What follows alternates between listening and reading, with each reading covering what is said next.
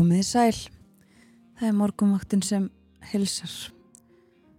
Þriðju dagur í dag, fjóruði júli og klukkuna vanta nýju mínútur í sjö. Og það er bjart yfir í Reykjavík þannan morgunin rétt eins og í gerðmorgun. Og var fallegasta veður þegar við vorum á ferðinni snemmi morgun. Það var nýju steg að hitti, létt skíjað og sunnan tveir metrar á sekundu. Á kvanneri voru fimm steg, fjórir metrar á sekundu og í stekkisólmi líka fimm steg að hitti, létt skíjað og austan sex metrar á sekundu þar. Áttasteg að hitti á Patricksfyrði og sex steg að hitti í Bólungavík, nánast lokn á báðum stöðum. Femstega hiti á Holmavík og 7 metrar á sekundu, þryggjastega hiti og allskíjað í Littlu Ávík. Og líka þryggjastega hiti á Blönduósi, 7 metrar á sekundu þar norðan átt. Þryggjastega hiti við Sauðanesvita og 6 stega hiti á Akureyri, allskíjað og norðvestan 5. Fjórastega hiti bæði á Húsavík og Rauvarhöfn, 9 metrar á sekundu á Rauvarhöfn. Fjórastega hiti líka á skjaldþingstöðum og fimmstega hiti og ryggning á eigilstöðum klukkan 6 í morgun. Töluvert kvast á höfni hodnafyrði, 17 metrar á sekundu þar og 8 stega hiti. 9 stega hiti á kvískerjum, 7 metrar á sekundu. Og það var 6 stega hiti á kirkibæjaklaustri, nánast lokk þar 1 metri á sekundu. Áttastega hitti og tíu metrar á Stórhauðaði vestmanni og sjöstega hitti í Árnesi. Og hittin var við frostmark bæði í sandbúðum og Káranhjúkum klukkan 6, annars einstiks hitti á hveraföllum holdaverðu heiðinni og þryggjastega hitti í veiðvatnarhaunni klukkan 6. Og þá að spánni, það er spáð norðlægri átt yfirleitt 5-13 metrum á sekundu í dag. Súld eða regning norðan og austanlands og slitta til fjalla en bjart með köplum á söður og söðvesturlandi. Hítinn 3-12 steg kaldast fyrir norðan en að 17 stegum sunnan heiða. Það línar aðeins norðan til á landinu á morgun og dregur úr vætu síðdeis, segir í spáni. Og Á femtudag norðaustlega átt og skíjað en úrkomi lítið en áfram þó bjart viðri um landið söðvestamert. Og á föstudag norðaustlega átt og bjart með köplum en fer líklega að rigna söðaustanlands um kvöldið og hiti breytist lítið. Á lögadag getur hiti náð alltaf 20 stígum, austlega eða breytilega átt, skíjað með köplum, sumstaðar dálítil væta um tíma. Og svo á sunnudag norðaustlega átt og allvíða regning með köplum en áfram svona hlýtt hiti 10-20 steg hlýjast sunnan heiða. Svona er spáinn fyrir daginn í dag og næstu daga líka. Svo er sjá hvernig það fer þegar nær dregur helginni með þessa spá fyrir lögadag og sunnudag. Það er ímislegt á dagskrá morgunvaktarinnar í dag Þorðisnar Júliusson kemur til okkar. Við ræðum efnahag og samfélag meðal annars það sem að gerst hefur. Ég frá því fyrir viku þegar hann var hjá okkur síðast í málum Íslandsbanka. Og hvað fleira á efniskráni þá. Artúr Björgum Bodlason verður með okkur frá Þýskalandi. Og svo í síðasta hlutu þáttarins þá ætlum að ræða um stóran styrk sem að stopnin Átna Magnússonar hlaut á dögunum. Þórun Siguradóttir rannsóknarprofessor verði gestur okkar þá. Spilum líka tónlist og fylgjast með fréttum.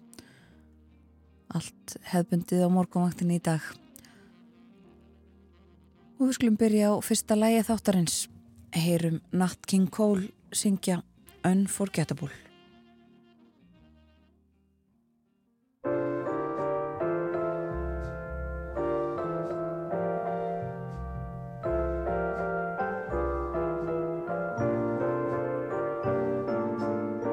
Unforgettable.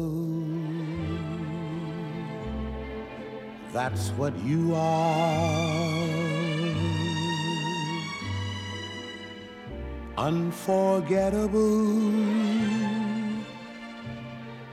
though near or far. Like a song of love that clings to me. How the thought of you does things to me never before has someone been more unforgettable in every way. And forevermore. That's how you'll stay. That's why, darling, it's incredible that someone so unforgettable thinks that I am unforgettable too.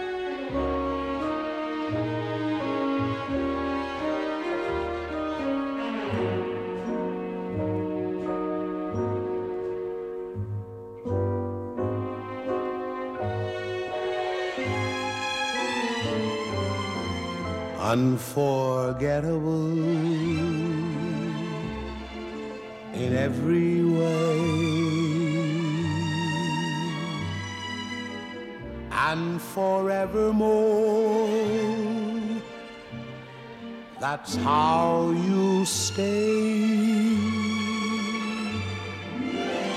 That's why, darling, it's incredible that someone so unforgettable thinks that I am unforgettable too.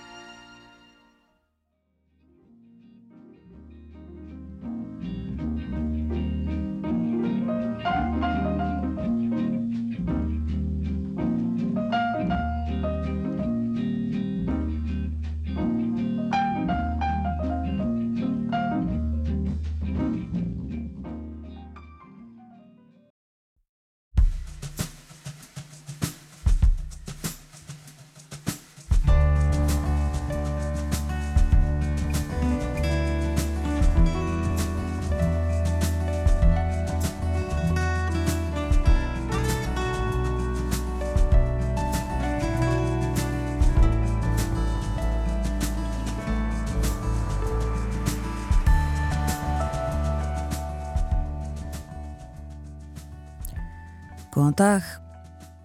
Það er morgumaktinn sem helsar þriðu daginn 4. júli. Ímislegt á dagskrá þáttarins í dag. Meðal annars þetta. Þrýr stjórnendur hafa hætt störfum í Íslandsbanka eftir að í ljós kom hvernig staðið var að sölu bankans á brefum í honum sjálfum. Þorðusnær Júliusson rittstjóri heimildarinnar fer yfir stöðumála með okkur upp úr klukkan halv átta.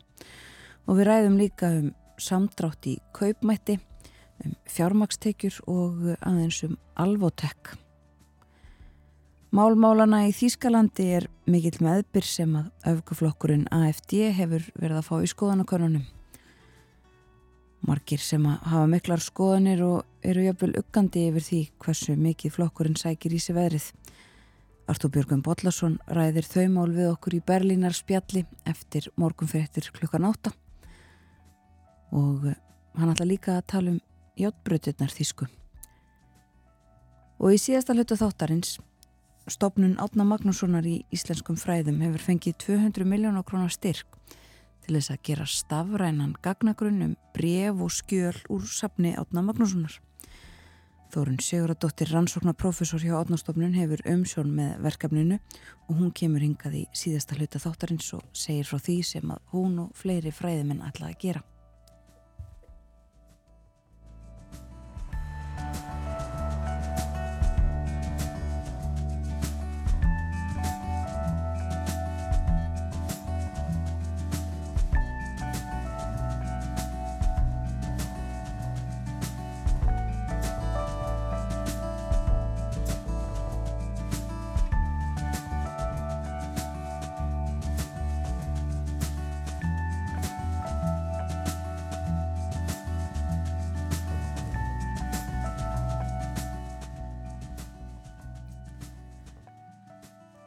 Spáðu norðlæri átt í dag, viðvilegt 5-13 metrum á sekundu. Súld eða regning norðan og austanlands og slitta til fjalla, en bjart með köplum á söður og söðvesturlandi. Og hitin 3-12 stig kaldast fyrir norðan en að 17 stigum sunnan heiða.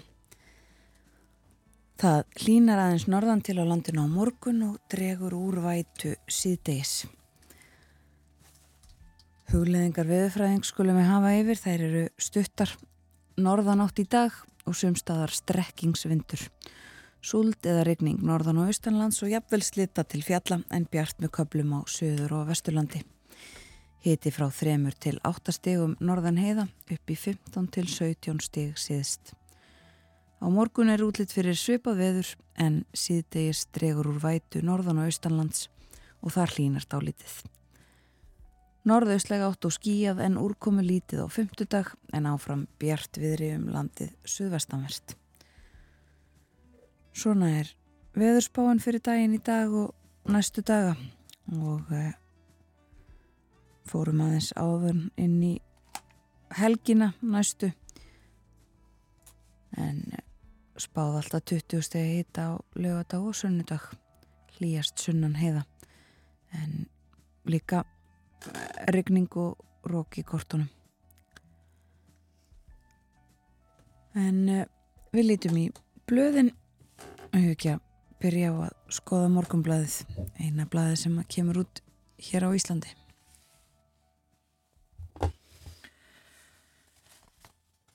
Það var bliðviðri í uh, eigum eins og víðar í uh, gær.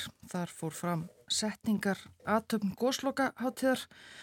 Hún stendur yfir í viku og líkur á sunnudag mynd á fórsíðu morgunblasins af Katrínu Jakobsdóttur fórsætisráðara, flytja ávarp við þessa setningar aðtöfn og fyrirsögnin undir stóri mynd af Katrínu og gestum órjúfandi hluti af sjálfsmynd okkar. Gleðin sveif yfir vötnum þegar góðsloka hátíð vestmanægi hófst formlega í gær með setningaratöfn, segir í texta á fórsíðum. Það var mikið blíðviðri og meðan atöfninni stóð og sól skein á alla viðstata sem að tóku því fagnandi og uh,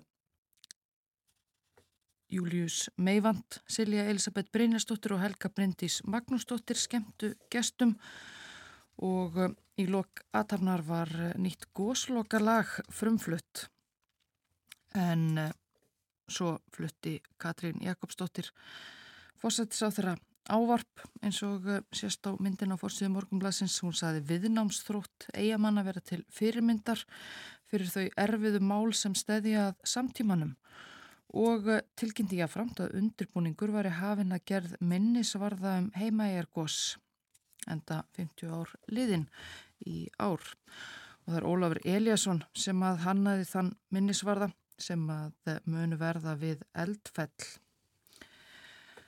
Og fleiri tilvittnanir í Katrín Jakobsdóttur fórsættisáþra á fórsíðu morgumlaðsins í dag frá þessari góðsloka háttíð hún stendur yfir í viku og líkur á sunnudag.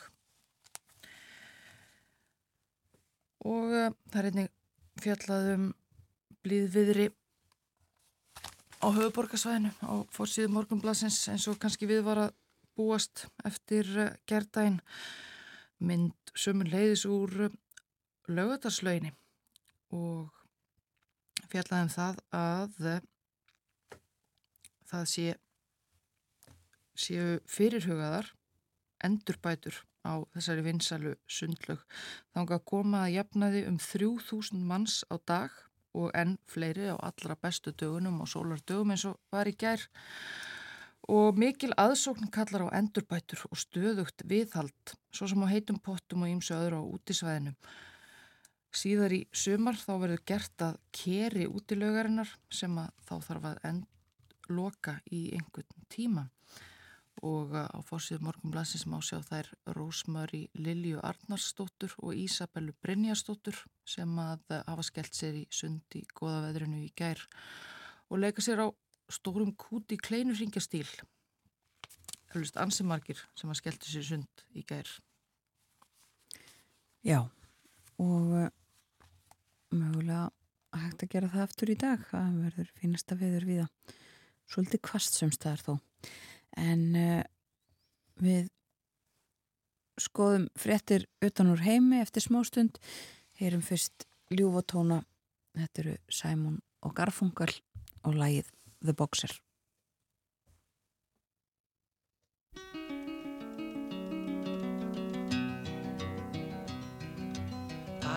just a poor boy, though my story is seldom told. I squandered my resistance for a pocket full of mumbles, such are promises. All lies and jest, still a man hears what he wants to hear and disregards the rest.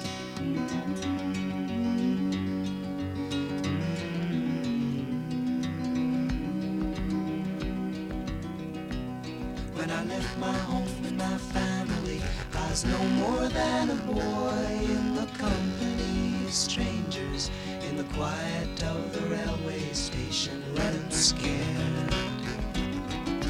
Laying low, seeking out the poorer quarters where the ragged people go, looking for the places only they would know.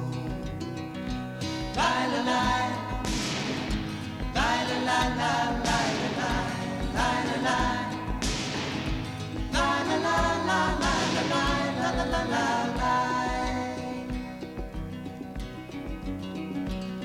Asking only workmen's wages I come looking for a job but I get no offers. Just to come home from the wars on 7th Avenue do declare there were times when I was so lonesome I took some comfort there. La la la la la la.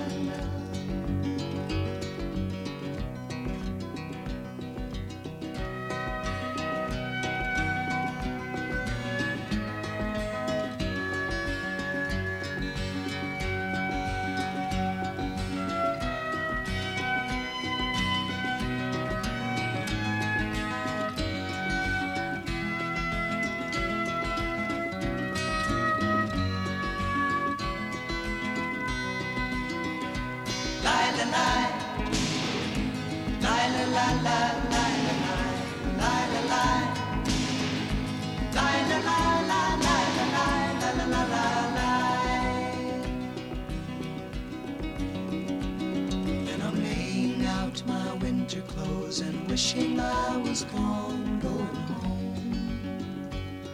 Where the New York City winters are bleeding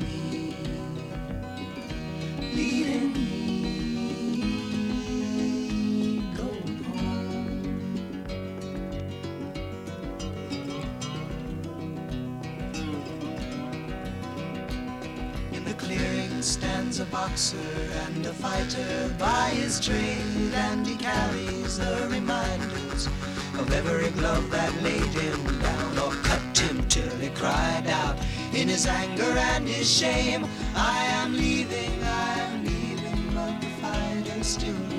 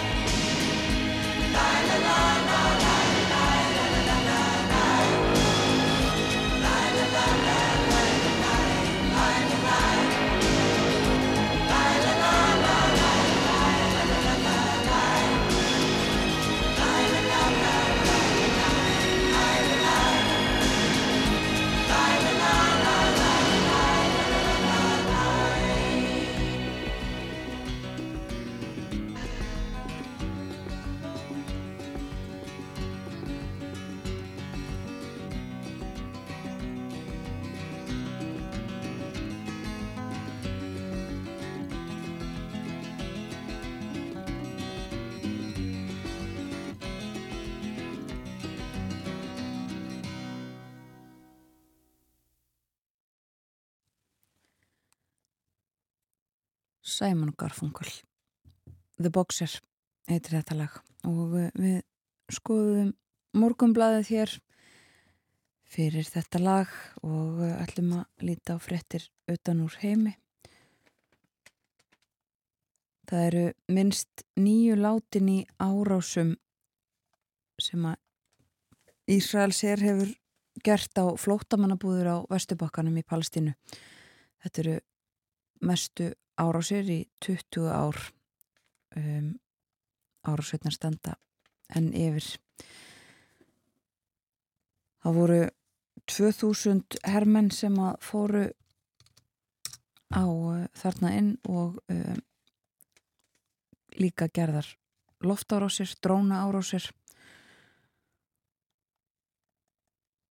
og uh, átta uh, nei, nú hefur meiri sér verið uppfærið þessi tala, það eru tíu manns sem að staðfyrstir að hafa verið látin hundra til viðbútar uh, særð, særð og uh, Ísraelsmenn segjast hafa handtekið 120 manns um, og séu að leita tíu til viðbútar í uh, miðju þessara flóttamannabúða, génin flóttamannabúðana sem að árásveitnar voru gerðar á. Þúsundir um, palestínumenn hafa uh, yfirgefið flóttamannabúðunar og, uh, og uh, Ísraelsmenn segja þarna hafi aðeins verið að verið takmarkið að, að ná hriðiverkamönnum, þetta hafi verið uh, og séu árásir, nei séu, jú árásir sem beinast gegn þeim og aðgerðir sem beinast gegn þeim. En uh, það er mikill fjöldi óbreytra almennra borgara í þessum flottamannabúðum þetta er mjög þjætt bilt svæði. Það eru mjög margir þarna um, og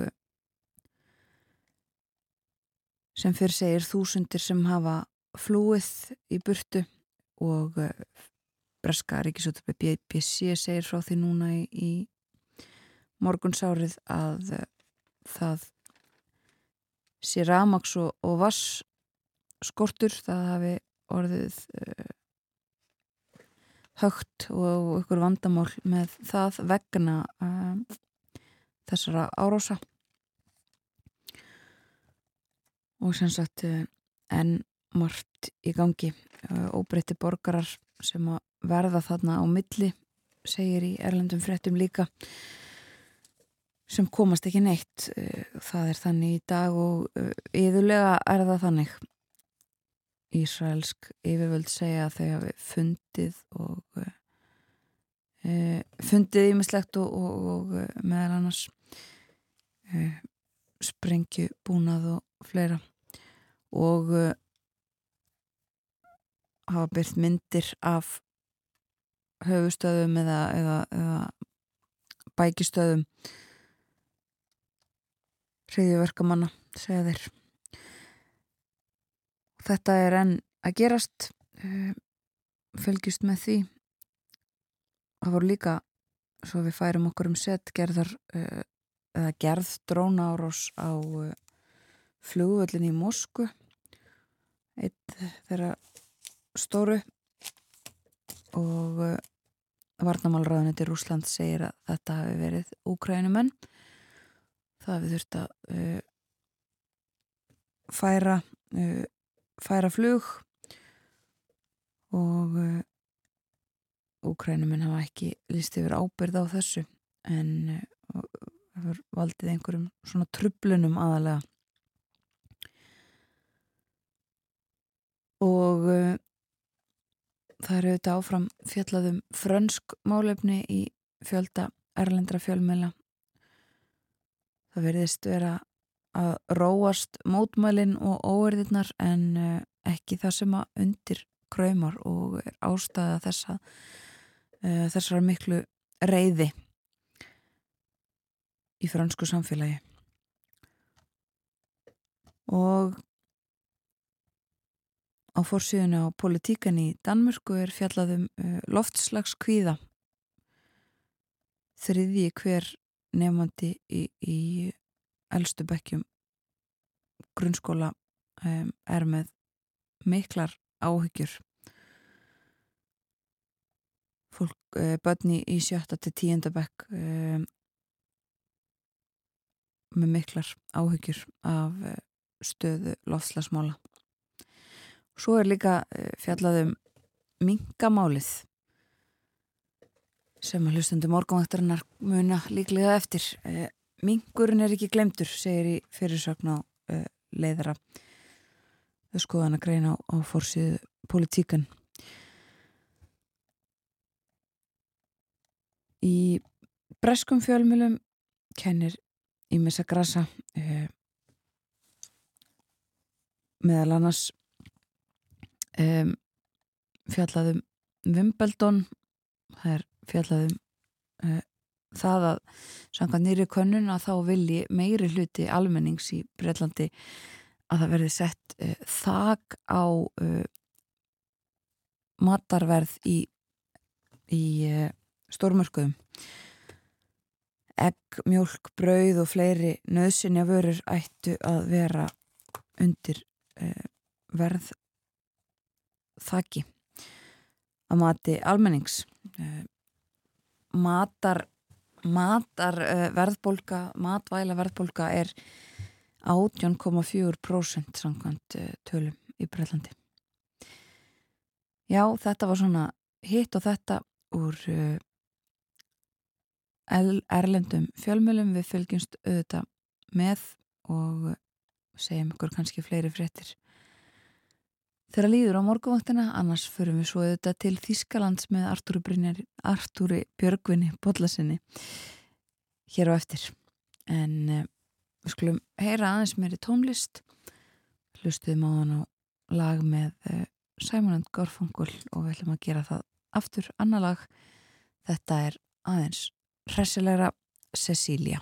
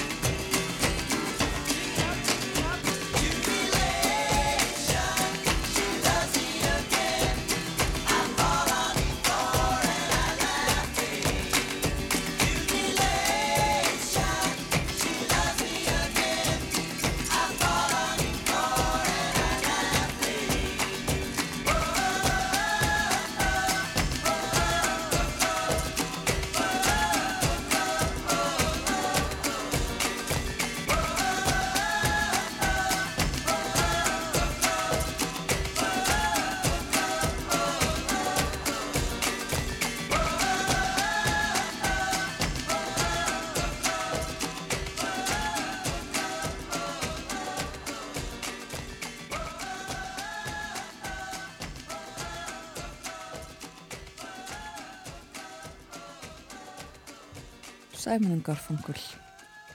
Cecilia heitir þetta lag. Og uh, það fer svo að koma því að við hleypum fréttastofinni að. Yfirleitt morgun frétta framöndan svo verður Þóruður Snær Júliusson reittstjóri heimildarinnar með okkur. Við ræðum ímislegt meðal annars stöðumála í Íslandsbanka margt gerst þar frá því að hann var hér hjá okkur síðast fyrir viku síðan og frettir af uh, þessu máli á því hvernig bankin fór að við sölu á hlutabrjöfum í sjálfum sér. Var gert ofinbört uh, þá að þetta já, ný komist í frettinnar Ímislegt fleira á dagskráni svo hjá okkur á morgunvaktinni. Við ætlum að ræða við Artúr Björgum Bodlason upp úr, já það er rúmlega átta eftir morgun fréttinnar og svo í síðasta hlutu þáttarins e, þá er það bref og skjöl Átna Magnússonar. Meirum það á eftir.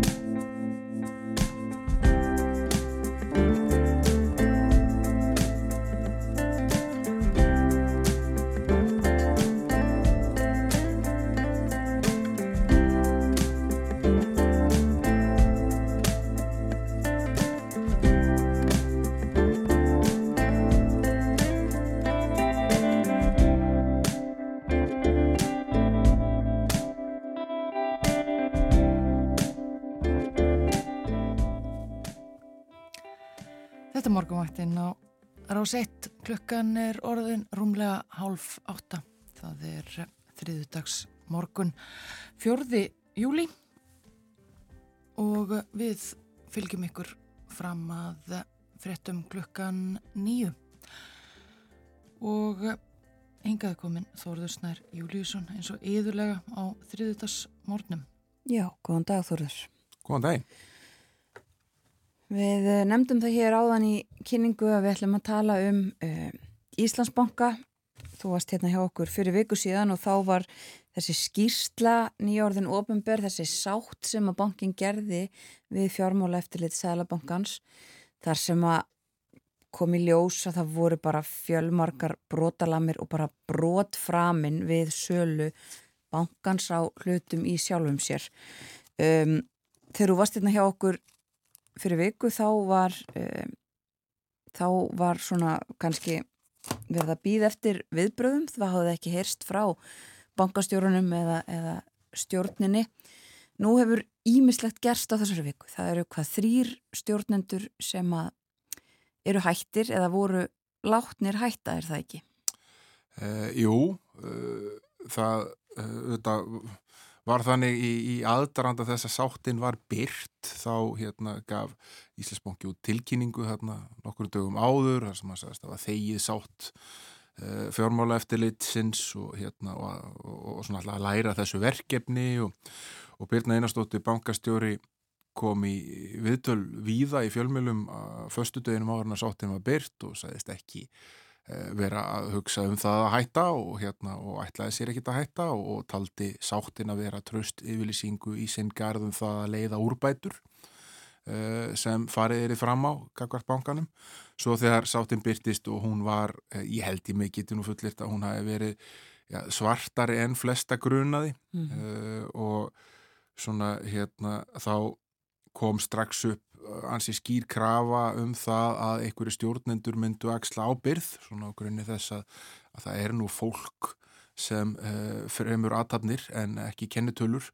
Þannig að það sé erfitt að, að skýla sig á baku það að bankin hafi uh, gert ránt en ekki fólki sem hjá honu starfar og fólk sem auðvitað þykkur mjög hálaun í flestu samhengi í íslensku samfélagi vegna þess að það undirgengst tölver ábyrð og, hérna, og þegar ábyrðin er réttlæting fyrir háum launakröfum þá lítur uh, að vera eðlert undir öðrum kríkustæðum að hérna, ætlast til þess að fólk axli ábyrðina uh, og Það byrjaði að gerast aðfara nátt miðugudags uh, eftir langan stjórnafundi í Íslandsbanka. Þá var niðurstað þess stjórnafundar uh, svo að byrna einastóttir laugstörfum hjá Íslandsbanka, búin að stýra hún frá 2008, frá, frá því bara eftir bankarun. Uh, og það má ljóst vera að, að það var ekki gert í ljósi hennar fyrir yfirlýsinga uh, að hennar frumkvæði, uh, þrátt fyrir að, að að yfirlýsingi, eða tilkynningi sem sendi kaupallar hafi svona gefið það til kynna eins og oftu vil verða þegar hérna, það verða stjórnendaskipti. Og svo hafa tveir uh, aðrir stjórnendur uh, einnig verið látnir fara og, og Jón Guðni Ómarsson sem tók við sem bankastjóri sem staðfesti það að það hefur verið að að, að, að hans frumkvæði að þeir hefðu verið látni fara, það er Allir Abjörsson sem hefði verið yfir fyrirtækjar ágjöf bankans og svo Ásmundur Tryggvason sem var í frangatastjórn og þeir báður komu um þess að þessu sölútbúði sem var til umfjöldanar í sáttina við, við, við eh, sáttinni við fjármála eftirlitið uh, þannig að þetta uh, er, er þá orðið þannig að það eru hérna þrýr stjórnendur búin að taka pókansinn og Jón Guðni sagði að nú væri breytingunum lokið, áður hafðu verið skipti, hafðu, var búið að skiptum regluvörð Já. og það var búið að skiptum annan uh, frangatastjóra sem hafði komið að, að útbúðinu að setja hans frumkvæði hætti og fóra að starfa annar staðar. E, þannig að hérna nú lítur bankin svo á að, að búið sér skipt út þeim stjórnendur sem koma að þessu eða bara ábyrð á þessum brotum sem voru framinn og, hérna, og bankin játaði að gegst við í þessari sátt við við fjármála eftirlitið. Já. Eh, Málunum samt ekki til lokið, það er búið að búið að hluta á fund. Einmitt, uh, það er búið að búið að hluta á fund, hvenar verður hann? Það verður 28. júli. Já, og það liggur fyrir, eh, eða hvað, verður kosin ný stjórn? Það verður kosin ný stjórn, það liggur ekki fyrir uh, hvort að sittjandi stjórn verði áfram í frambóði eða hvort að stæstu eigendunir og þar eru þetta Íslenska ríkið langstæst og bankasíslan mun koma fram fyrir fönd Íslenska ríkisins á þeim hlutahöndi vegna þess að það er enda ekki búið að leggja hana niður þrátt fyrir vilir um að slíkt er gert sem var gefið í apríl í fyrra. Uh, og Finnur Átnarsson stjórnaformaði bankans hefur sagt að hann vil ætli að sækjast áfram eftir því að vera stjórnaformaði bankans. Uh, maður heyrist svona allan eh, innan úr, úr pólitíkinni að e, þar sé vilji til þess að, að, hérna, að það verði líka auksluð ábyrð í stjórninni. Ekki bara ábyrð á, á brotunum sem voru framinn í, í, í útbóðinu, heldur líka á því hvernig var haldið á málinu núna e, á síðustu dögum frá því að, að tilkynningin var gefin út í aðdraðan þess að sáttin var byrt mm -hmm. og, og, og svona í ljósi markáttara yfirlýsingar sem hafa verið gefnar síðan Já. Eh, meðal annars eru við með þá stöðu núna uppi að, að fjárlega nefnd alþingis er að fara formlega fram á að fá afhendan starfslokasamning bankastjóra eh, hjá banka sem er í 42,5% eigu ríkisins vegna þess að stjórn bankas vill ekki afhendan og, hérna, og það eru þetta uh, eh, dóttir sérstök staða og held ég einstök í Íslandsögunni Já. Og svo þetta eins og við fórum aðeins yfir um, í, í síðustu viku þá er þetta, sko þetta er kannski auðvitað stærsti ángina þessu en það eru auðvitað fleira og við töluðum líka um þessa skýslu ríkisendurskoðuna sem skoðaði aðra þætti og svo er það umbúsmaður alþingis sem er að skoða hlut uh, fjármálar á þeirra Já, hæfi fjármálar á þeirra uh, samkvæmt stjórnstíslu lögum og, og sérstaklega út frá því að, að, að, að félag í eigu föður fjármálaráðara var eitt þeirra aðila sem var valin til þess að kaupa í bankanum í þessu útbúði sem var lokað. Uh, og svo niðurstað likur ekki fyrir. Umbósmaður hefur verið að spurja fjármálaráðara og fjármálaráðuniti eða fjármálaefnarsráðuniti uh, ítrekkara spurning og kalla eftir gögnum frá því í byrjun mars þegar alltingi laug sinni Eh, umfjöllun um skýslu ríkisendurskoðunar eh, um, embati umbósmanns alþykis virka þannig að, að það er ekki að skoða mál sem aðrar stopnarnir eru með til skoðunar eftirlitstopnarnir eru með til skoðunar. Þannig að nokkrum dögum eftir að alþingi laug sinni umfjöllun þá hóf umbósmaður sína aðtugun á þessum þætti málsins og niðurstaði henni likur ekki fyrir. Nei. Þetta er þá eitthvað sem er framundan bæði hlutáfundurinn og, og svo e, eitthvað sem að þessu tengist. En, en hvað með sko það hafa, er það ekki líka einhverjir e, já það er bara mikil reyði í samfélaginu yfir þessu e, og fólk svona við bóruða því á samfélagsmiðlum og í fjölmiðlum að fólk segist alltaf hætti viðskiptum við bankan og það er einhverju stórir viðskiptafinnir sem sem að skipta bankan verulegu máli sem að hafa svona ljá máls á því er það ekki líka Uh, jú, sá stæsti og umfangsmesti er stæsta stjættafélaglansins Vaffer. Já. Það er sem stjórn Vaffer uh, svona samþykti að senda frá sér tilkynningu um það hérna, að ef að það verður ekki brúðist við með þeim hætti sem þeim þykir þóknanlegt þá hérna, munu muni Vaffer skoða það vandlega að færa svo viðskiptum við Íslandsbanka og, og það er auðvitað geti orðið högg fyrir bankan vegna þess að Vaffer er, er risastort félag og á margra miljardar eignir sem að er með eignastýringu hjá bankanum.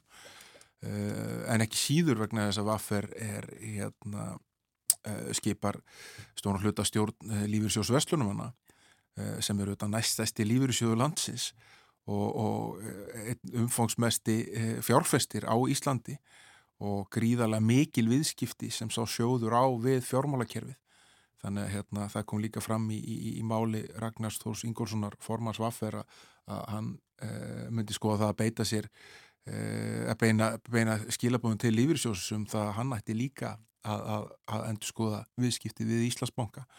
Þannig að þarna eru tölverir hagsmunir undir, manni heyrðist e, á stjórnundum Íslandsbanka í fréttum í gæra, það er nú ekki margir Uh, láti verða því að hætta í viðskiptum við Íslandsbanka. Ég held að neytindasamtökin hafi kannski verið þau sem hafi best mest borið á uh, en hérna en það er í ett maður heyri það uh, mjög víða og hérna og kannski ólíkt því þegar svona staði kemur upp oft þá hérna þá verist að vera svona mjög almenn skoðun, það eru mjög fáir Eh, ef einhverjir sem að rekst á bara dagstælega og hvaðan æfa úr, úr öllum svona stegum samfélagsins sem er að taka upp hanskan fyrir hátterni Íslandsbanka eða, eða einhvern veginn eh, verja uh, það hvernig hann stóð að þessu öll saman. Já, einmitt uh, og En svo við nefnum það eh, á enn eftir að draga til einhverja tíðenda að við fylgjustu þetta með eh, þessum hluttáfafundi og, og fleiri sem þessu tengist. En við ætlum að færa okkur í annað núna og það er mál sem við höfum líka rætt reglulega hér eh, og það er Alvotek. Um, fyrirtækið eh, er á höttanum eftir markasleifi fyrir liv um, og uh, fekk, já, getur maður sagt, sinjun á markasleifi aftur allavega eh. hefur ekki fengið vilerði fyrir þessu þessu markansleifi í, í bandaríkanum Já, bara til þess að reyfi öllstutu upp þá lagði alveg upp með það að fá uh, hérna, markansleifi í bandaríkanum fyrir hérna, uh, líftækni Livja mm. hliðstæðu við liði Húmíra sem er eitt mest selda lið í heiminum og, hérna, og átti að vera svona aðaltekju öflunar liv uh, Alvotek uh, og, og stemt var að því að hefja markasetningu já, núna um bara eftir uh, síðustu helgi, bara já. í byrjun þessara viku. Uh, og fyrirtækið ætlaði að fá markasleifi í apríl og það fegst ekki.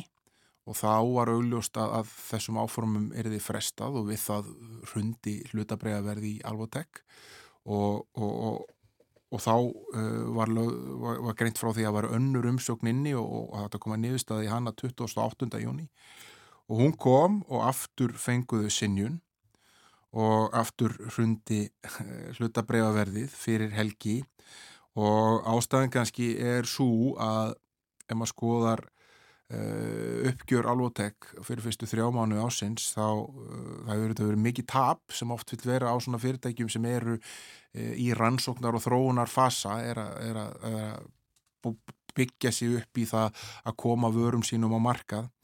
Þá var ekki drosalega mikið eftir af handbæru eigifi í stóra samhenginu. Það voru um 15,8 miljardar króna sem eru þetta stóra tölur fyrir okkur en það voru 42% af þeim fjármunum sem félagi tapaði á fyrsta ásjónungi þannig að hérna ef að þetta stillaði upp þannig að ef þetta myndi halda áfram svona tap með sama hætti þá væru þau búið með handbara fyrir á svona cirka einum og hálf mánuði. Uh, og þetta auðvitað ring, uh, ringdi ákvörum viðurunabjöllum uh, svo gerist það að, hérna, og það er sendt tilkynning eh, þegar þeir fá þessa höfnun á markasleifinu fyrir helgi. Og það er sagt frá því tilkynningunni að nú þurfu félagið að sækja sér nýtt hlutafið eða aðra annars konar fjármögnun. Að þurfa að leita til hlutafisina og, og, og, Astik, þetta fjárfyrstíkafélag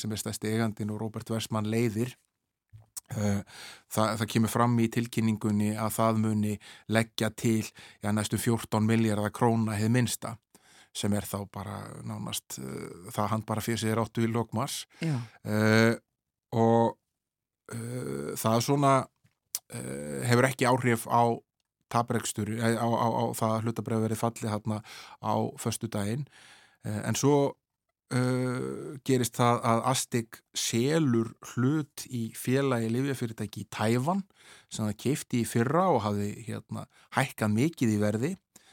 Og sendi, seldi helminginast í 20% slutunum, þetta fyrir að geti Lotus uh, fyrir 33 miljardar króna. Og þá er uh, Astig að uh, styrkja uh, sína fjárhagstöðu og getur til þess að styðja við Alvotek og það má draga það álíktuna markaðurinn horfi á það sem svo að Astig ætli þá að styðja við Alvotek uh, mjög myndalega uh, og hafi mikla trú á því að markasleifið fáist síðan undir lók þess ás, það er svona næsti, næsta dagsetning sem er sett. Já. og uh, til að gera langa sögustutta þá hækkuðu brefinum 24% á tveimu dögum. Og hérna og, og markasverðið var komið upp í lókdags í gær í, í, í næstu 345 miljardar og hafði hækkað um 67 miljardar á, á tveimu dögum frá lókdags á fymtudag og Uh, þetta er bara einn allsherjar rússipanni uh, nú eru komið ljóskort að aðri hluthafar uh, verða beðinir um það að leggja í púkið eða hvort að þeir kjósi að gera slíkt og verja sína stöðu í, í hlutafjáröfningu sem manni finnst eiginlega auðljóst að sé framundan. Og, og þar eru þetta margir ísliski lífyrirsjöður sem komu inn á einni helgi snemma á þessu ári. Þannig að hérna Já, er hérna, þessi rússipanni heldur áfram og við erum sennilega ekki að tala um alvotek og hérna og, og hæðir og læðir í, í, í, í sögu þess félags í síðasta sinn og þessum vettvangi. Nei, um það, uh, við ætlum að reyna að ræða 20 viðbót, uh, kannski hluti sem að, uh, já, tengjast okkur svona almenningi uh, verulega. Og það er fyrir það fyrsta Við ætlum að tala um samdrátt í kaupmætti. Eh, það eru komnar tölur um, um uh, kaupmáttin fyrstu þrjá mánuða ársins, er það ekki rétt hjá mér? Uh, jú, og, og það sem er aðtiklisvert er það að það er svona, er óeining virðist vera á melli fjármála og efnaðsaráðandis annars vegar og Hagstofun er hins vegar um það hvernig eigi að setja fram þessar tölur. Uh, Hagstofun byrti síni tölur núna í júni og, hérna, og þar kom fram að kaupmáttur ráðstöfunatekna íslenska heimila hafi dreyist saman um 4,8% á fyrsta ásfjónungi 2023 þrátt fyrir að tekjur hafi hækka verulega og kaupmáttur er bara hvað við fáum fyrir pinningan okkar. Mm -hmm. og, hérna, og þessi hækkun sem hefur verið á tekjum er á mestu litir ekki alveg til bara þegar launahækana sem var samiðum í skamtíma samningunum uh, og alls hafa laun hækkað um 13,4% á einu ári. Þannig að til þess að, að samdráttur á milli fyrsta ásfjónungs í fyrra og fyrsta ásfjónungs í ár verði svona mikill, 4,8% þá þarf þetta ímislegt annað að ganga á og, og munurinn hjá framsettingunni og fjármála efnaðsráðundun annars vegar og hagstón hins vegar er það að fjármála og efnaðsráðundi telur ekki vakstagjöld með. Já, sem eru nú þó nokkuð stór bytti. Já, Íslensk heimili borguð 31 miljard króna í vexti á fyrstu þremur mánuðum ásins. Það er 60% meira en þau borguð á fyrstu þremur mánuðum ásins 2022 eða 11,5 miljardar króna. Það er meiri hlutvarsleg aukning á, á, á áskrundvelli á einu ári en hefur orðið nokkur sinni frá því að Hagstofan fór að halda utan þessa tölur. Það er meira en gerðist hérna eftir bankarhunnið í, í aukningu á vakstegjöldum og auðvitað útskýrist það meðal annars að því að fastina var, hefur hækkað tölvöld umfram undirlikjandi þætti mm -hmm. þess að við hefum verið hérna, með bólur sem hafa hérna, gert það verkum að fastina verið er orðið ansi hátt og þar að leiðandi þar skuldsetningin sem þarf að leggjast í fyrir marga, margi þurfa að leggjast í til þess að kaupa sér fastinnir, hún eikst og, og þar að leiðandi vakstakjöldin með þegar stýrivextir hækka 13 sinnum í rauð. Mm -hmm. Já, og að síðustu eitthvað sem við líka ræðum reglulega þegar upplýsingar um þessi mál berast, það eru fjármakstekjur. Íslandingar þjenuðu 227 miljardar króna í fjármakstekjur í fyrra. Segð okkur frá þessum tölum og, og hvernig þetta skiptist. Já, þetta eru hérna 32,5 miljardar meira en, en, en einstaklingar greitt uh, því þjenuði í fjármakstekjur árunnu 2021. Aukningin á tveimur árum er 97,5 miljardar þannig að það er mikil aukning í fjármakstekjum Eh, þeim sem fengu fjármastekjur hóp, fjölgaði mjög í hópnum sá hópur taldi 41.500 manns á síðast ári mm -hmm. sem er bara 45% aukning frá árun áður uh, en þetta er samt sko daldi miskipt, það eru margir með litlar fjármastekjur eh, þetta skýrist sennilegast að því að það eru Eh, umtalsett margir sem eh, fóru að taka þátt á hlutabræðamarkaði, það var mikil aukning í þáttöku almennings á hlutabræðamarkaði og líka mikil aukning í því almenningu tók þátt í hlutabræða útbóðum og seldi síðan hlutabræðið sín, ekkit svo löngu eftir, við saman mm. alltaf með almenn útbóðu sem fór fram í Íslasbanka að þeim hlutum sem komu inn í Íslasbanka þá þeim hefur fækkað alveg gríðarlega mikið meir en 10.000 sem hafa farið út úr hlutahófnum frá því að almenn útbóðu fór fram. Og þau 10% landsmanna sem höfðu mestar tekjur í fyrra, þannig að auðsta tekjutíundin tók til sín 83% af þessum fjármastekjum, eða þess að greitti 83% af fjármastekju skattinum og út frá því er þá áallega að, að þau hafi haft svona cirka bát e, svipað hlutfall e, af öllum fjármakstekjum og, og það þýðir bara einfallega þess að hópur þérnaði þorra slíklega tekna árunu 2020 uh, eins og uh, hefur verið á undanföldnum árum. Já, þú verður þetta komið og, uh, til okkar og sagt okkur uh, frá þessum uh, með þessum tölum og, og þessu hvernig þetta hefur verið að skiptast 97,5 miljardar já sem að fjármakstekjur Íslandinga hafa aukistum á tveimur árum. Og við skulum auðvitað hafa það í huga að, hérna, að þeir sem hafa tekjur af fjármagnir sínu hvort sem það er hlutabræðurskiptum stæsti hlutin að tekjunum eru arður af hlutabræðurskiptum svo það sé sagt.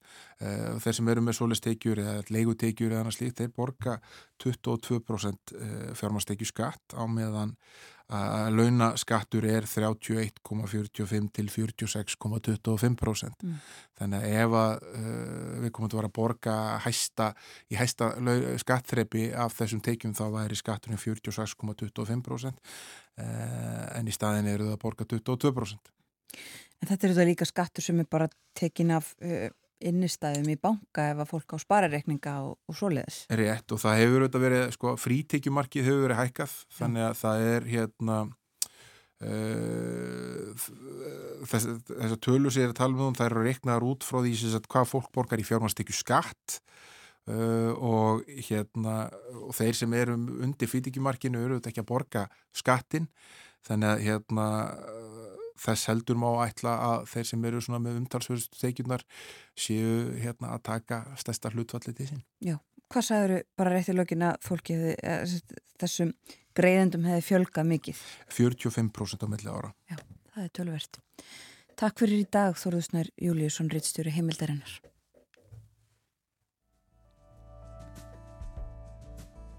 Þorðusnær ræði ímislegt við okkur við byrjum á að fara yfir stöðumála í Íslandsbanka þar sem að e, þrýr stjórnendur hafa látið af störfum síðustu daga og nýr bankastjóri segir að e, þar með sé e, slíkum breytingum lokið. Það hafi allir sem að báru ábyrð á sölunni á hlutabrjöfum í bankanum axlað ábyrð sjöhættir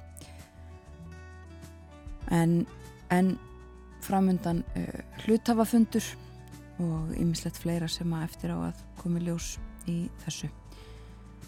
Við rættum settka fleira, uh, stöðuna hjá Alvotek sem að gerir nú ráð fyrir því að, að uh, fá markasleifi fyrir lifi í lok árs, þetta lif uh, stærsta málið á dagskrá hjá fyrirtækinu og, og miklar söiblur verið þegar því hefur verið, eða það hefur ekki fengið markasleifi fyrir því tvígang á þessu ári.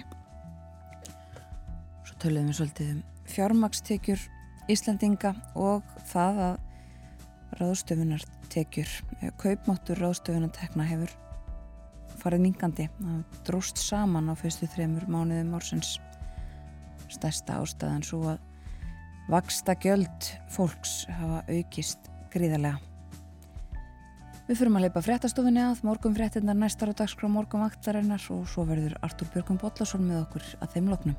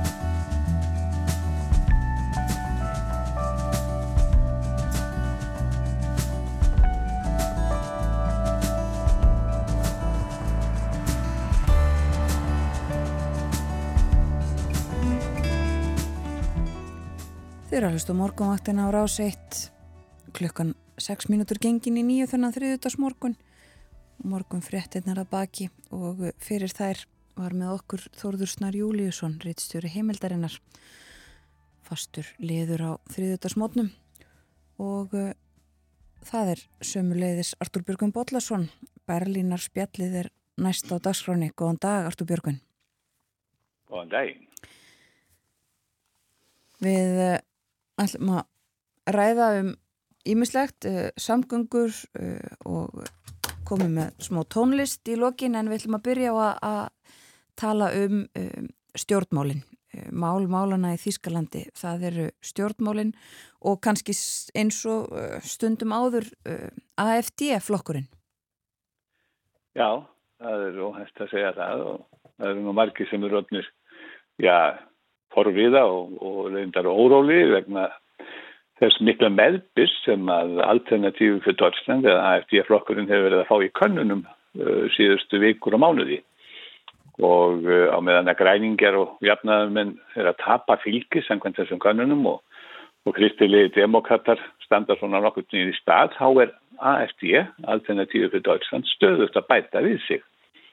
Og í síðustu vikur þá fór þessi auka sinnaði þjóðetninsflokkur sem hann vissulega er og alveg á íst á hægri væng þýska stjórnmála, hann fór að meira segja yfir SPD í fylgi sem hvern konun og uh, mældi þar með annar stærsti stjórnmálaflokkur Þýskalands, hvorki meirinni minna, næsta eftir kristilugum demokratum og þetta var uh, mikið áfall fyrir uh, fórustu menn hinna flokkarna og fórustu fólki í hinna flokkarum og Og svo bættist líka við að í sveitarstjórnarkostningum í Saxen-Anhalt, í fylginu Saxen-Anhalt í síðustu viku, þá gerði það í fyrsta sinn í sögunni að frambjóðandi alternatífi fyrir Deutschland var kosin bæjarstjóri í Þískum bæ.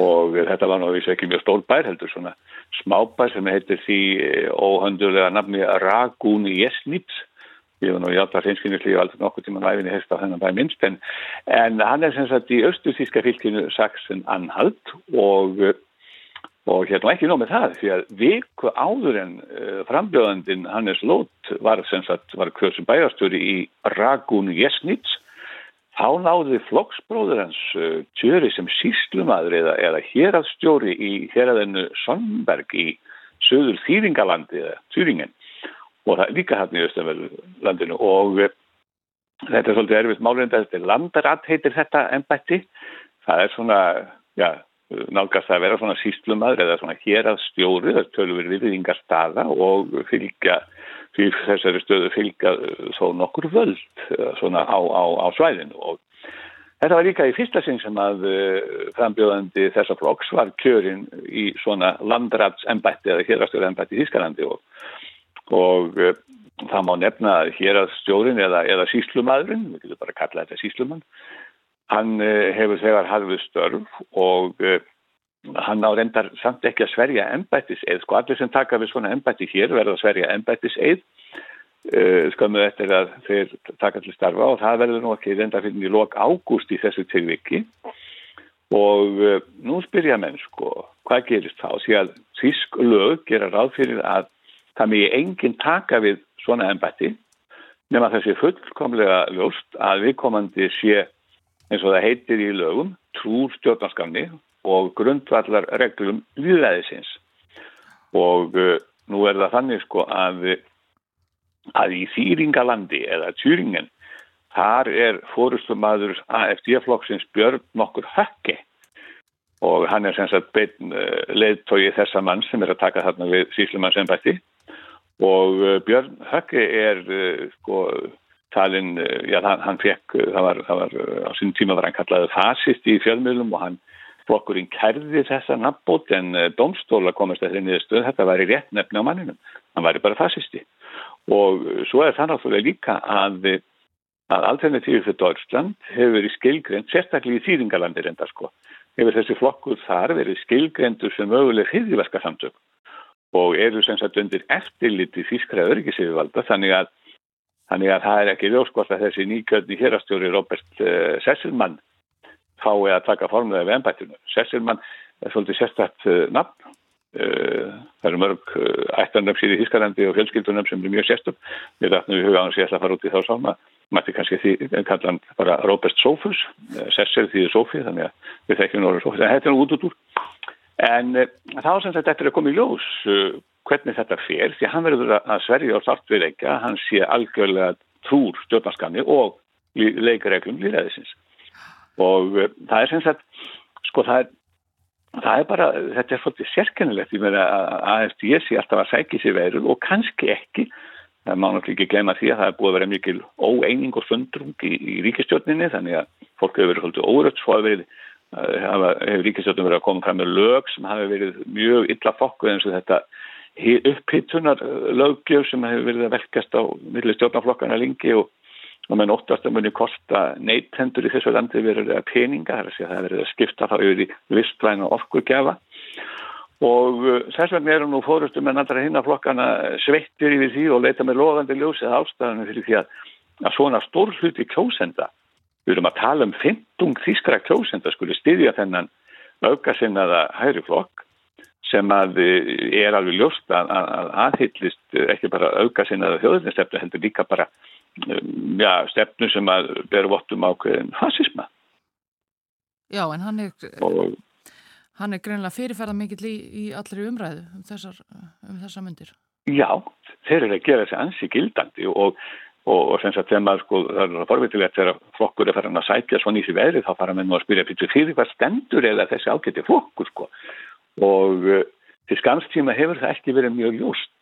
Fjölmiða hafa svolítið forðast að vera að lifta fórustumunum alltaf fyrir fyrir Dótsland, það hefur verið náttúrulega gerð mjög hörð hríð að þeim og enginn hefur viljað koma nálægt þeim öðrum, úr öðru flokkum.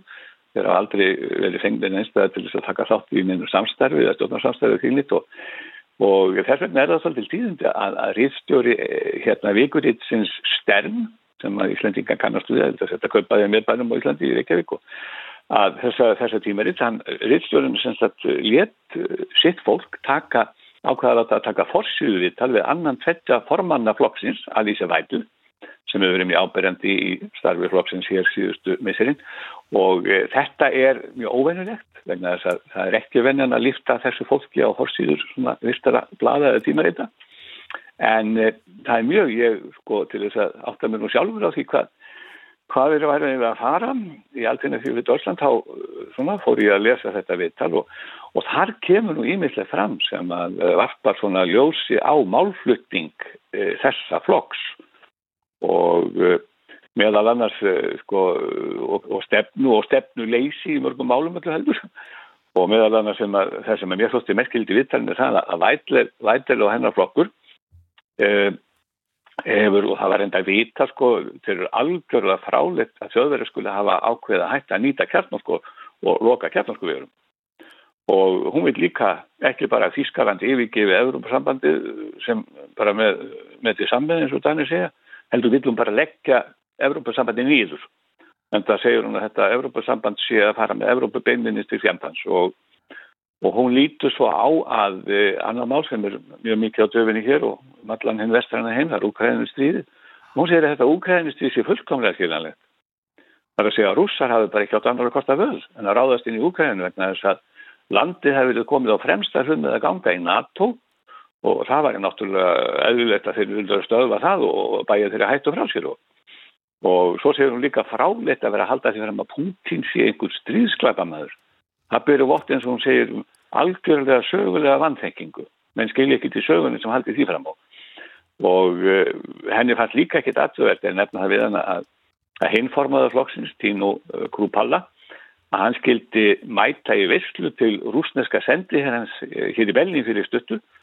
Það var verið að minnast sigur rúsa yfir Þviðaríkjum þessum tíma og hún lítur svo á líka að leinið þjónastan þíska sé ekkit annað en pólitísk áráðustofnun sem að hafi það hlutverk að halda stjórnar anstöðunni, það eru morðum alternatíðu fyrir Deutschland í, í skefjum. Og uh, þegar hún er spurð hvort að hún sé sátt við það að, að þessi þurfum auka fulla þjóðurni sinna og þjóðrembu sinna í floknum hennar, þá segist hún ekki að hafa verið við þá. Og það er sko, þetta er stílinn hjá þeim og hefur svolítið verið líki þinginu að þeir svara oft út í hött þegar þeir eru að ganga á það sko.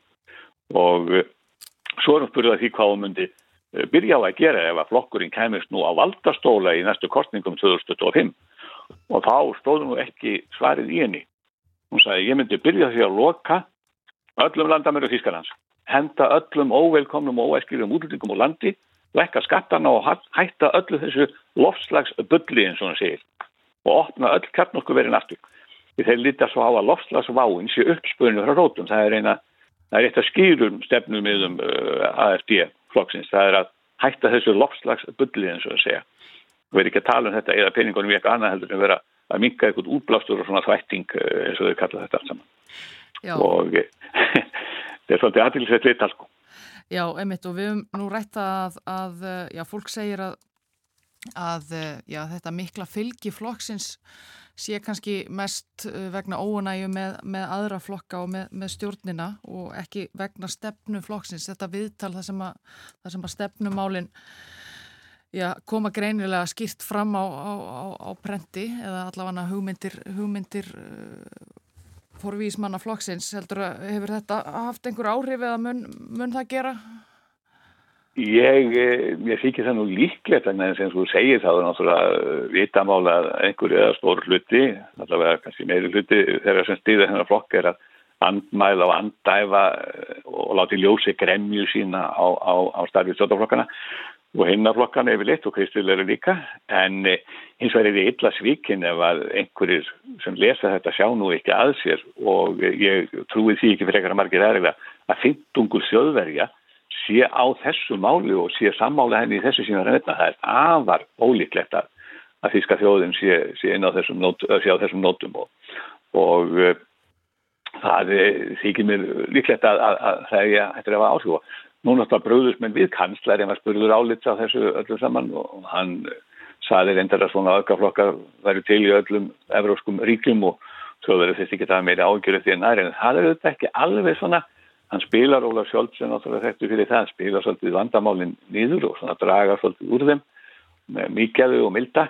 Því að eh, eina svo já það er einn hópur hér sem er alveg gríðarlega óttaslegin í þessum og það er þeir þúsundil geðingar sem búa í Þískanandi því að það er vitað að, að, að það er fullt af stækum geðingahöturum í alternatíðu fyrir Dörsland og og þessum það er íms blikur á en það er sem sagt mjög líklegt og það telja nú heldur margir að svona svona viðtölu eins og þetta og þegar að menn fá að kynast þessari stefnu eða þessu stefnu leysi, þessu fyrðulugu stefnu miðum að þá, þá munum nú einhverjir hopa og ákveða að láta það eiga sig að greiða markaði eins og kostingu. Það eru þetta náttur kostinga en eh, það eru tvenna fylgiskostingar í Östanfískalandi og Östanverðu landinu á næsta ári. Það að mikil prófsteinn á þetta allt saman því að, því að eh, þar er fylgi þessa umrætta flóks langsamlega mest. Við höldum áfram að fylgjast með þessu eflaust en við ætlum að tala eins um, um uh, játbröðir. Já, játbröðir. Þetta er þíska játbröðar fyrirtækið, Deutsche Bahn, en nú það eru fyrirtækið sem að margir íslendingar sem hinga hafa komið þekka og margir farið hér um og játbröðar lestast um Þískaland eins og bendið Görnda kallaði það fyrir tíma þegar hann var að fara hér um og játbreyta lestaðist um flata Norður Þískaland en, en það er sem sagt þetta er svolítið álbógabann eh, hefur verið í stjórnkerfinu og, og uh, það hefur drabbast eða öllu heldur sko lestarkerfið hefur drabbast tölveit niður og setnið árum en það veitur verið sáttur við það og það verið ekki verið nógu fétil þess að halda því við og, og endur nýja það. Þetta er alveg heilmikið kerfi sko Eh, ef við tökum alla lestar teina Þískarlands og leggjum það saman að þá eru þeir tæplega 40.000 kilometra langir. Það er tölvöru spotti. Það er eins og 30 sinnum ringveðurinn um Ísland. Þetta færður sem sagt 30 ringveðurinn um Ísland. Hanga uh, þessu kilometra fjölda og menn að vera alltaf bent á líka að það þarf að gera meira fyrir þetta. Að, að þetta er vist umhverfismáti á því leikur ekki vafi að verðst þetta ganga upp í rammarni þannig að Það eru í þeim skilningi mjög vist væn ferðamáti. En uh, á hinbóði náttúrulega þá uh, sko eh, en nú hafa gaggarinn endur bent á að þetta er ekki allt vistvæn orka sem þetta er á ferðinni. Því að ennþá ennþá nota, notar, er, er rammagnir sem er lett að nota, það er að hluta til unnið, 19% er unnið úr kólum og 9% úr gasi og 11% er svo unnið úr gertnorsku þannig að það er ekki rúmlega 60% þeirrar orku sem að, eh, eða þessar ammag sem að, sem að drýfur lettital áfram sem að er undið og vistvættin orku. En það er samt sem aður mjög verulega hátt hlutvall og uh, svo hafa minn, minn alltaf verið að finna eitthvað til þess að hafa á þetta allt saman og hafa minn bent á að það sé nú þurfum nú að bæta úr í sambandi við að sko það eru 5.680 bröðtastafar í Þískalandi, hvorki minna minna. Það er nú ekki lítið og eh, að þeim eru bara 33 knúðar áfram að, eh, sem sagt, já, rammagnir að þeim knúðar áfram að vistverðinu orku. En, það er svo sem skiptur í göllum máli kannski. En e, þetta er í heildina má segja ekki bara vistverð ferðamáti með að við e, nútíman og það var bæt út þessu, það er við skilstallum í Sviss og í Östuríki sem en konum miklu lengra með það að keira keira lestirna sínar áfram að, af orku sem er unnuð eða sem sagt með rafmagnar sem er unnuð og vistvætni orku en, þetta er ákveðað þægilegu ferðarmóti það þekkja allir af þessu er Deutsche Bahn svolítið þekkt fyrir það að vera óstundvís en, en hvað með það? Maður má ekki vera allt á tímanum þegar maður fyrir með lestum í Þískaland og það viljum svo til að ég var að tvælast 15-16 klukkutíma í síðustu viku held ég með lestum um Þískaland og það eru ekki alltaf á réttin tíma en maður það bara hafa tíma fyrir sig, það bara þannig. Og, og það er voðað að þægild að láta þessa skröld orma bera sig á milli borga.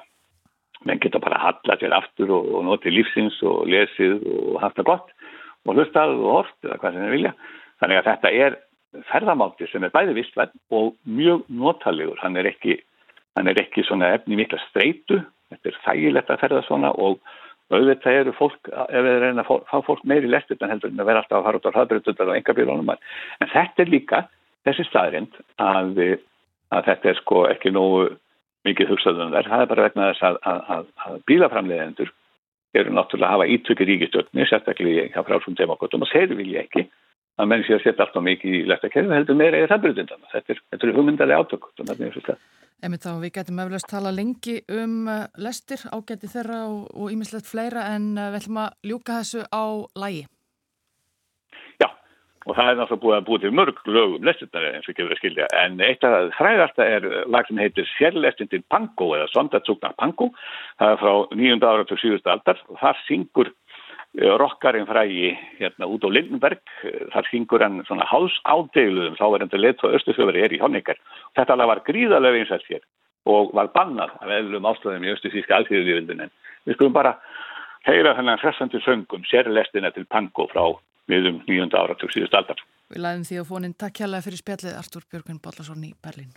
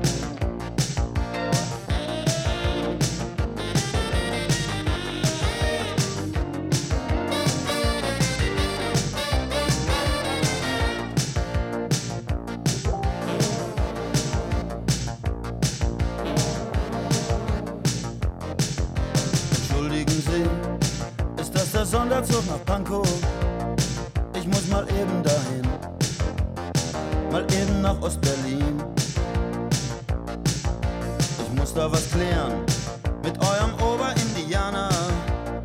Ich bin ein Jodeltalent und will das spielen mit einer Band. Ich hab ein Fläschchen Cognac mit und das schmeckt sehr lecker. Das schlürfe ich dann ganz locker mit dem Erich Honecker. Und ich sag, ey Honey,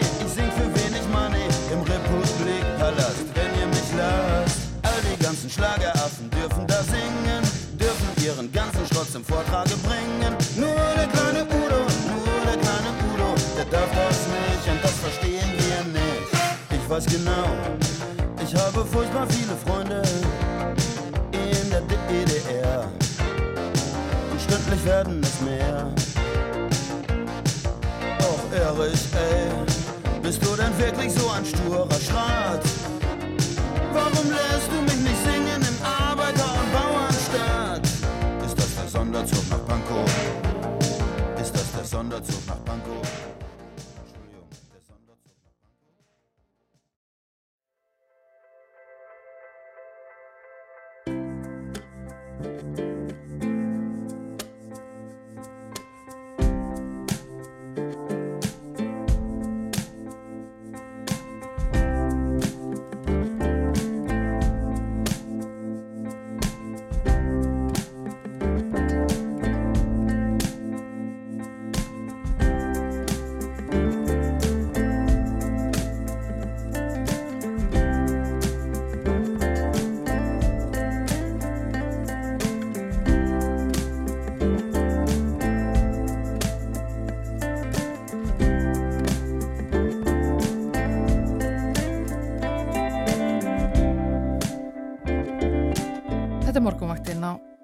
Rásitt Klukkan er eh, orðin rúmlega hálf eh, nýju á þessum þriðudagsmotni, frétta yfirleitað baki og eh, við fylgjum ykkur fram að næsta fréttatíma klukkan nýju. Við fjallaðum málefni Íslandsbanka í þættinum í dag. Þóriðusnar Júliusson, reitstjóri heimildarinnar, var með okkur talaði um Íslandsbankamálið og sumulegðis um Alvotek og svo herðum við í Artúri Björgun Bodlasinni í Berlín. Og hann eh, talaði meðal annars um eh, já, fylgisaukningu öfgaflokksins AFD Þískalandi einhver fymtungur þískra kjósenda sem að segist styðja þann flokk en uh, mögulega er ástæðan viðtök ónægja með aðra flokka og ríkjandi stjórnvöld í Þískalandi en við ætlum að fara uh, í aðra salma núna. Uh, í síðustu viku var greint frá því að stopnun Árna Magnússonar í íslenskum fræðum hefði móttekið styrk að upphæð uh, um 200 miljóna íslenskra króna frá dönskum sjóði A.P. Möller og hústrú Tjastín McKinney Möller Fund heitir hann, kentur við danska skipakongin A.P. Möller og uh, þessi styrkur er veittur til uh, ákveðinsverkefni að gera stafrænan gagnagrunn um fornbref og skjöl fornbrefa uppskriftir og brefabækur úr sapni Árna Magnússonar og uh, verk sem verður unnið í samstarfi við fræðimenn á Árnastofnun í Kaupanhöfn, Ríkiskjálasafninu í Oslo og Þjóðskjálasafni Íslands. En í forsvari fyrir Þetta verkefni er Þórun Sigurðardóttir Rannsóknar, professor hjá stofnun Orna Magnússonar og hún er komin hingað á morgumættina. Vertu velkomin Þórun. Takk. Hvað eru fornbref? Fornbref eru ímis konar skjöl úr ofinbæri stjórnsíslu. Um, þetta eru til dæmis uh, málskjöl ímis, samningar, uh, kaupmálar, uh, jarðaskiptabref, landamerkjaskrár, eignaskrár, erðaskrár. Uh, hvað ég segja, svo eru, er, eru brefabækur og það eru kirkjubækur og brefabækur biskupa uh, sem eru inn í þessu verkefni líka. Þannig að, að, að þetta eru svona, þetta tilheyrir stjórnsýslu dansk-norska konisríkisins sem Ísland var hluti af allengi. Mm. Og sko stafrætt gagnagrunnur uh, þýðir það að það er verið að fara að skanna inn öll þessi skjöl, öll þessi fortbreyfi, hvernig, hvernig er þetta gert? Þetta er ljósmyndað. Þetta er ljósmyndað? Þetta verður alls saman ljósmyndað og, og, og hérna forvörðurinn okkar og, og forverðir hinn að muni fylgjast með að alls er að skjölinn séu handeruð varlega og á réttan hátt Og þetta gagnagrunnurinn verður það að verða skrásetningar, við skráum brefin, hvers konar brefit eru. Og það er nú eitt af verkefnunum okkar núna á næstunni er að, er að gera ídalegan eh, lista yfir efnisorð, uh, hvers konar bref um er að ræða og, og hérna við þurfum að skrá nöfn sem koma fyrir í skjölunum og örnöfni e, og svo verða stafræna ljósmyndir af öllum skjölunum. Þannig að, að þeir sem bæði fræðimenn og, og hver sem er, hvar sem er í heiminum getur skoða þessi gögn og nýtt sér þau í, í sínum rannsóknum. Og það sem er svo gott við e, þessi, þessi, þessi stafrænu grunna það er annars vegar út frá, út frá varfiðslu og forvörslu sjónamiði Fólk þarf ekki að, að koma við skjölinn, það þarf ekki að gera sér ferð á söfnin, það getur skoða þetta í tölfunni sinni og eh, það getur jafnvel séð uh, hluti sem að sjástökjum við byrjum með augum með því að stækka myndirnar, stækka tekstan, mm. uh, breytum bakgrunn, þannig að, að það má vel vera að sitt hvað kom í ljós sem, sem við sjáum ekki núna. Já, og svo er þetta líka að samina þetta allt á eitt stað, eins og segir, þetta er á nokkrum stöðum þessi... Já, þetta er sínt að sapnátna það sem hann sapnaði, annars vegar frum brefum og brefabókum, en svo leta líka skrifa upp. Já. Það er svona apogröf, við erum til dæmis á átnastofnun hér, með um 6.000 apogröf sem eru uppskriftir á fortbrifum. Og þetta gerði átni að bæði sjálfur og leta skrifar sína og, og aðra skrifa upp uh, frumbref. Uh, það er ekki vitað uh, hvort öll þessi frumbref eru lengur til. Það er bara vel líklegt að mörg þeirra hafi glatast síðan þannig það á allt eftir að koma í ljós. Þetta er mikið af gögnum? Þetta er mikið af gögnum.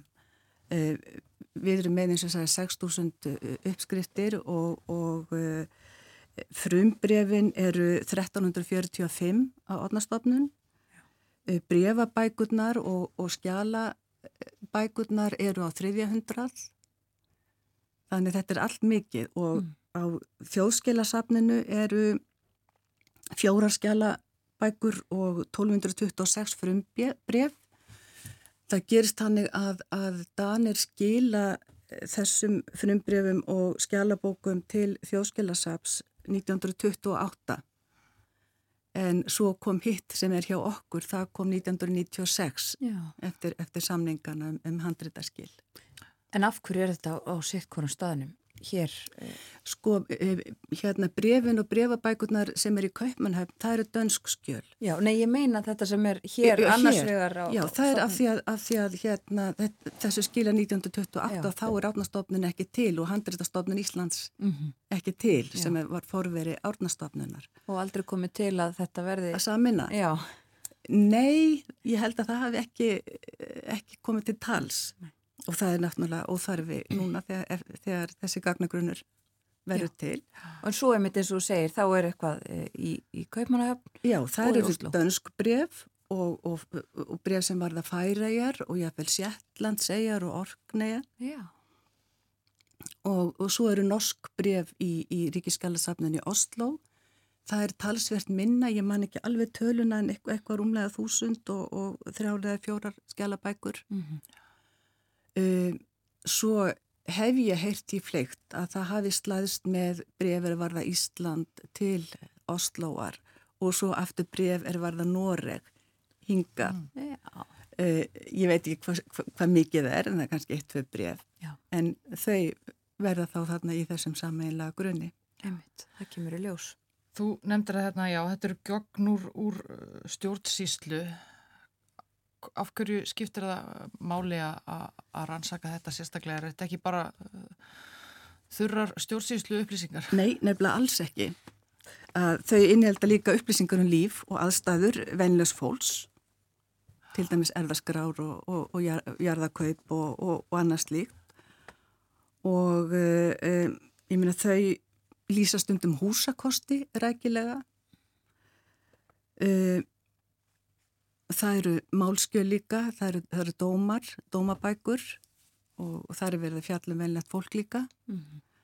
og þannig við fáum einsinn í, í líf venlegs fólks í, í þessum gögnum og um, hvað ég segja Þetta eru merkilegar heimildir allavega. Þetta eru merkilegar heimildir og þær, þær geta, geta líka gefið upplýsingar um stjættaskiptingu, um samgöngur, búskaparhætti, í sumum brefum er, er, er hérna uh, uh, líst, húsakosti líst rækilega.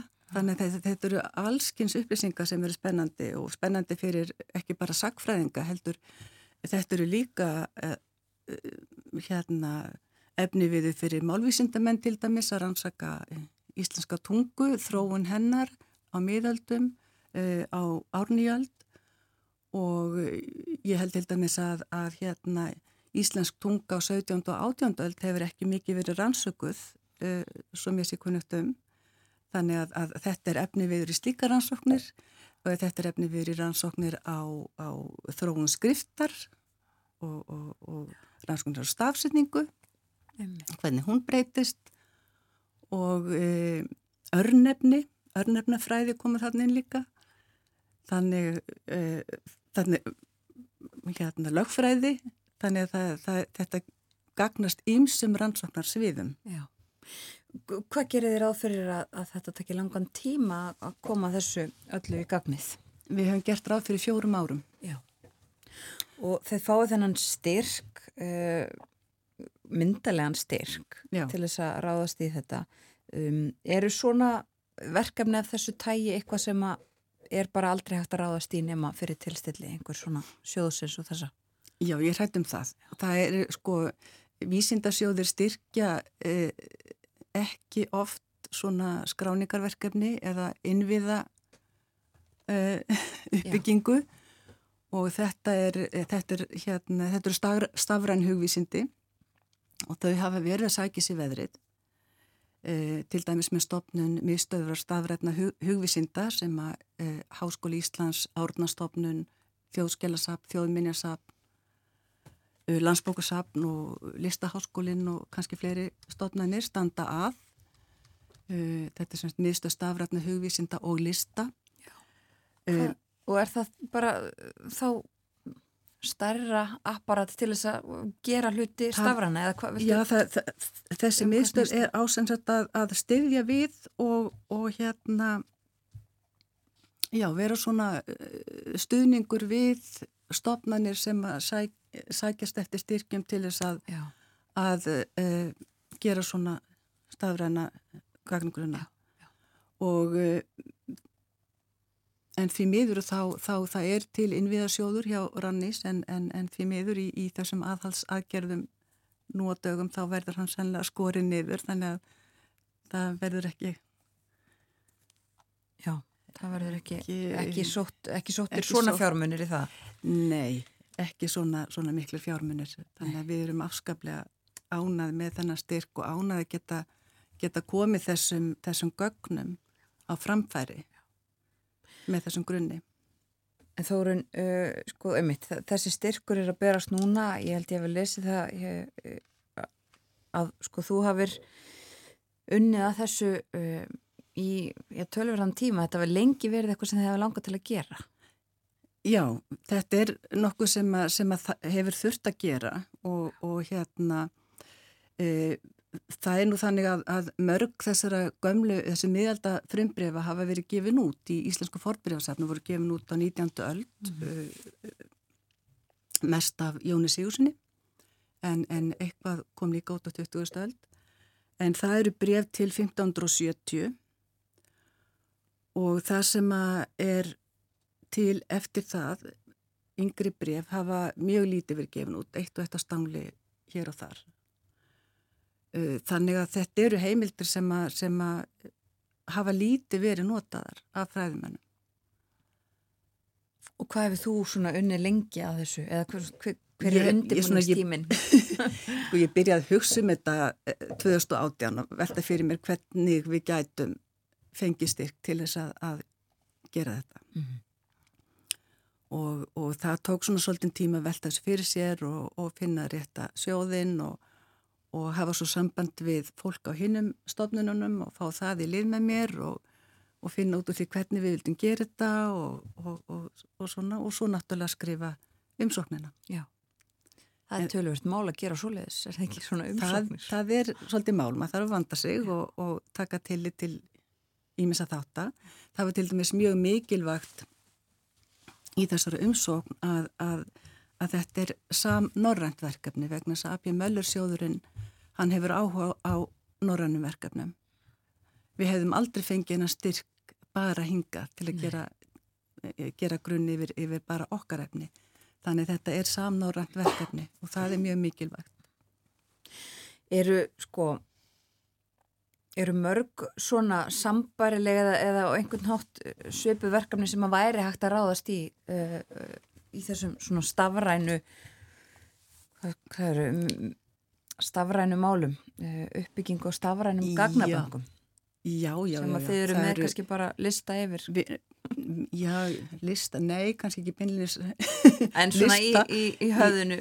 Sko við höfum verið uh, hérna átnastofnun, uh, landsbókasafn og átnasafn í Kaupmannahöfn. Við höfum verið að vin, við, unnið að handritaskrá á netinu, handrit.is og það eru stað, staðranir gagnuguna líka og, og það er verkefni, allir hafi ekki, þetta er ekki búið að vera í gangi 12-15 ár, ég man ekki alveg hver, það byrjaði 2008, jú. Og geng, mætti ganga hraðar en, en það er skorti líka fjármagn uh, en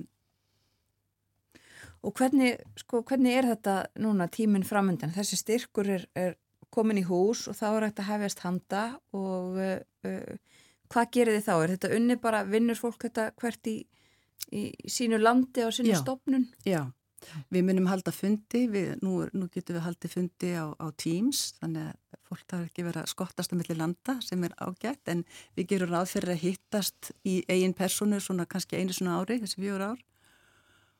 Annars, annars fundum við á Teams og við þurfum að, að, undibú þetta mjög vel, eh, vera með ákveðið form, við þurfum að finna út hvernig við viljum þetta líti út, hvað nákvæmlega á að skrá og svo framvegis og við ætlum okkur að vinna það þessa núna í haust uh, fram áramótum og þá tekur við uh, skrásetning og ljósmyndun og þá, þá, þá byrjum við að nota styrkin. En, en við ætlum að undurbúa þetta mjög vel áður en við brettum upp ermarnar og, og, og hérna göngum í verki. Ég veit. Og þetta er verkefni þá eins og þú segir næstu fjögur ára eða svo en uh, þú fæst við ímislegt annað. Um, hver eru verkefnin í dag? Já, Eh, eins og stendur þá, þá er ég að gefa út uh, hluta af kvæðabók sér Ólars Jónssonar á söndum á samt uh, Margreti Eggistóttur, Árnaheimi Ingólfssoni og, og uh, Johnny Lindholm. Þetta eru sko kvæðabók Ólars á söndum er, er, er samt sem að hann skrifaði sjálfur upp sína bók og hún er til í ótal handritum og mörg af kvæðunum eru með nótum. Og það er talið, jafnvel talið að hann hafi sami sum þessar laga sjálfur og við erum semst að gefa út þau kvæði sem eru með nótum. Eh, Svo er ég sjálf líka með verkefni sem ég hef verið eh, svolítið lengi með og kemst allt og sjaldan í og það er að gefa út handrit sem var í eigu konu á uh, síðarluta 17. aldar, skrifaði lók 17. aldar og uh, það inniheldur digðaspeil uh, sem að uh, var samin af þýskum presti Martini, Lukas Martini og, og þýttur um, umskrifaður af sér Jóni Arasinni í Vassfyrði uh, og hann er til í nokkrum handritum sem að tengjast mikið hans fjölskyldu og afkomendum sem er meðal annars þessi kona sem heit Kristín Markusdóttir og var einn af námsmegjum Ragnæðar Jónsdóttur, dóttur þessa sér að Jóns Arasonar í Vassfyrði og það er svo sem að er á 5.000 krónar sælinum okkar. Einmitt. Hún, hún var með eins konar hérna kvennaskóla heima hjá sér að biskupsetrun og hólum og svo setna sem biskups ekja í gröf á höfðaströnd og e, þessi handrit að digðarspeglinum frá lokum 17. aldar eru sennilega öll, e, tengjast öll hennar fólki. Þannig að það er nóg forveitnilegt að fást við en svo eru þau líka að flytja. Svo erum við að flytja. Hvernig Ég er búin að pakka mínu niður, niður í kassa og e, þeir verða fluttir núna eftir klukktíma Já, yfir í ettu. þannig að þú ert að flytja bara í dag. Ég er að flytja í dag. Já. Já. Og uh, eru, hvað er þú í röðinni? Eru margir eftir eða er þetta klárast? Þetta, sko, við hérna, nei, ekki alveg. Uh, Það verða nokkrir af handritasviði eftir í átnagarði. Uh, Við þurfum að vera þar til að passa upp á handritin. Það er Já. ekki eftir að flytja þau alveg strax.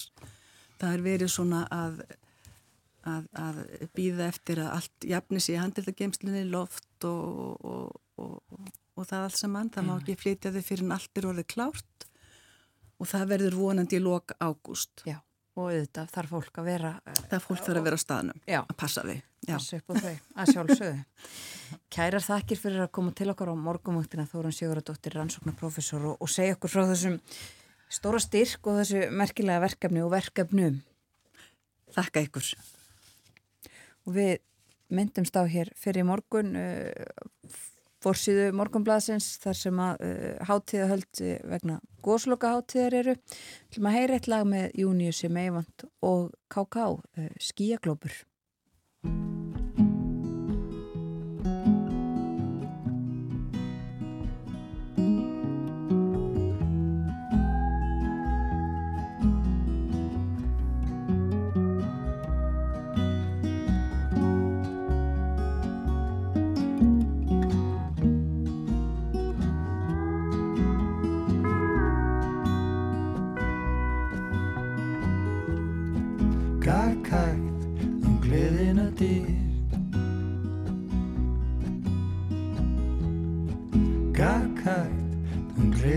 sentir.